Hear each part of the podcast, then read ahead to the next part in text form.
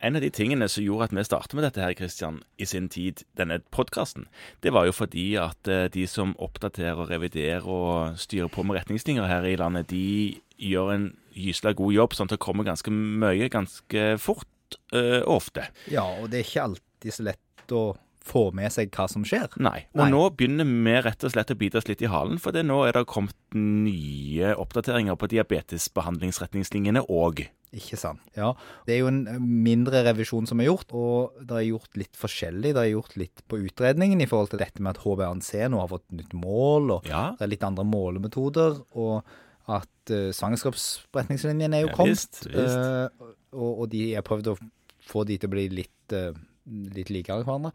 Eh, men det du kanskje tenker på, er jo at nå kom jo revisjonen av behandlingsanbefalingene. Ja, fordi at det er jo noen av de nye diabetesmedisinene som er såpass Ja, det er resultater ved de som man ikke kan unngå å legge merke til og ta inn over seg. Nei, Ja. det, og dette er jo en revisjon som vi på mange måter forutså når den forrige retningslinjen ble publisert. Fordi at da var det mange som kanskje påpekte at den var såpass spesifikk, denne retningslinjen, at den måtte revideres ofte hvis den skulle være gyldig. Ja, I og med at man fikk sånne anbefalinger på preparater. Ja. Og nå er da den kommet, og der er det egentlig sånn at den er for det meste lik, men det er gjort én forskjell, og det er det at etter at pasienten har fått beskjed om å løpe mindre, løpe mer, Ja, spise mindre ja eh, spise mindre usunt. ja, Ja. og generelt gjøre gode levevaneendringer, og har fått metformin, Ja.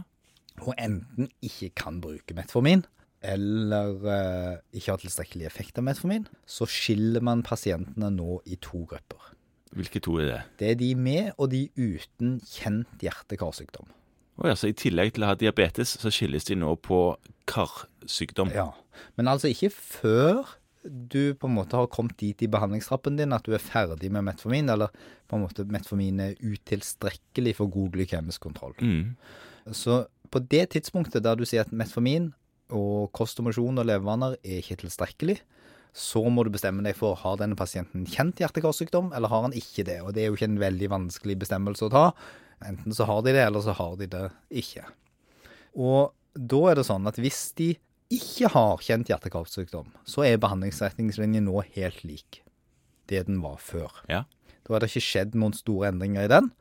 Du kan fortsatt velge mellom alle fem klassene, altså SU, eh, DPP4-hemmer, eh, SGLT2-hemmer, GLP1-analoger og insulin. ja. Men SU er det ikke veldig mange som havner i nå. Fortsatt ikke så mange som havner der, men den står nå fortsatt der. Den er der. Og det er jo ingen tvil om at det er en ganske potent blodsukkersenker.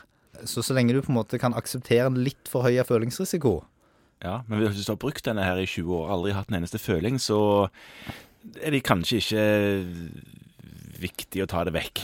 Nei, det er ikke viktig å ta det vekk, i hvert fall. Og skjermer litt ut her, men det som er en ting med å ta vekk SU, det er at det har jo funka ganske godt hos noen. Ja. Så det er jo noen av oss som har fått oss en overraskelse når vi tok det vekk, og blodsukkeret gikk veldig opp. Ja. Så det skal man huske på. Men eh, det har jo litt med førerkort og sånt å gjøre. Men nå, nå, har litt med nå er vi litt ut på veien. Nå Men det er- ikke det vi skulle snakke om. Nei, men så må vi snakke om den andre gruppen. For nå har vi snakket om de som ikke har kjent hjerte-karsykdom. Ja, Der ja. kan du egentlig velge det du tenker passer best for denne pasienten.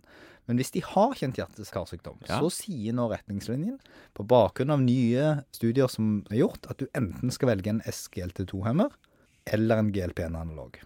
For noen av disse har harde endepunktstudier på hjerte-karsykdom. Ja, det har de. Og da på pasienter, foreløpig på pasienter som har erkjent hjerte-karsykdom i det øyeblikket de går inn i studiet. Så vi vet ikke enda om det beskytter de som ikke har Vi vet ennå ikke om det beskytter risikopasienter, høyrisikopasienter lavrisikopasienter. Der pågår det studier. Ja. Tro meg, det gjør det. Ja, masse studier på det, men foreløpig er det altså en sekundær profylaktisk tiltak. Foreløpig er det et sekundærprofylaktisk. Og da sier retningslinjen, eh, for å gjøre det litt sånn forenkla, at hvis du skal velge en av disse, så må du velge en av de som har dokumentasjonen. Ja. Ja. Og det, det er jo foreløpig så er det enten så er det empagliflosin eller liraglutid som har denne dokumentasjonen foreløpig. Som da er én av SGLT2-hemmerne Ja. og én av GLP1-analogene. Nettopp. Men der må man faktisk følge med litt selv. Og uh, heldigvis er det jo slik at legemiddelindustrien har en tendens til å informere oss ganske tydelig om at deres produkter får denne typen dokumentasjon. Ja. Sånn at det vil nok tilflyte oss informasjon om det den dagen det kommer. Men det vi vet, er vel at det er noen av disse SGLT2-analogene som ikke har denne effekten. Det er noen av disse SGLT2-hemmerne som ikke har denne effekten, ja. eh, Og det er noen av de som har studier pågående, så der er det bare Ja. å følge med. Må følge med på det. Men det er den store endringen, og det gjør jo kanskje at du faktisk må se på noen av de pasientene du allerede har. For du har kanskje satt i gang en behandling allerede. Nettopp. Ja, Og når disse kommer på kontroll, så kan det være lurt å kikke over om denne nye retningslinjen da sier at du kanskje skal gjøre noe annet enn det du har gjort til nå. Ja. Fordi de nå mye mer aktivt ber deg ta stilling til om pasienten har en kjent hjerte-karsykdom. Og hva er hjerte-karsykdom? Er det hypotensjon? Nei, det er angina, Uh, Ja. hjerteinfarkt, slag. Så atrosklerotisk hjertesykdom. Ja. Ja. Manifestert atrosklerotisk hjertesykdom. Nettopp. Mhm.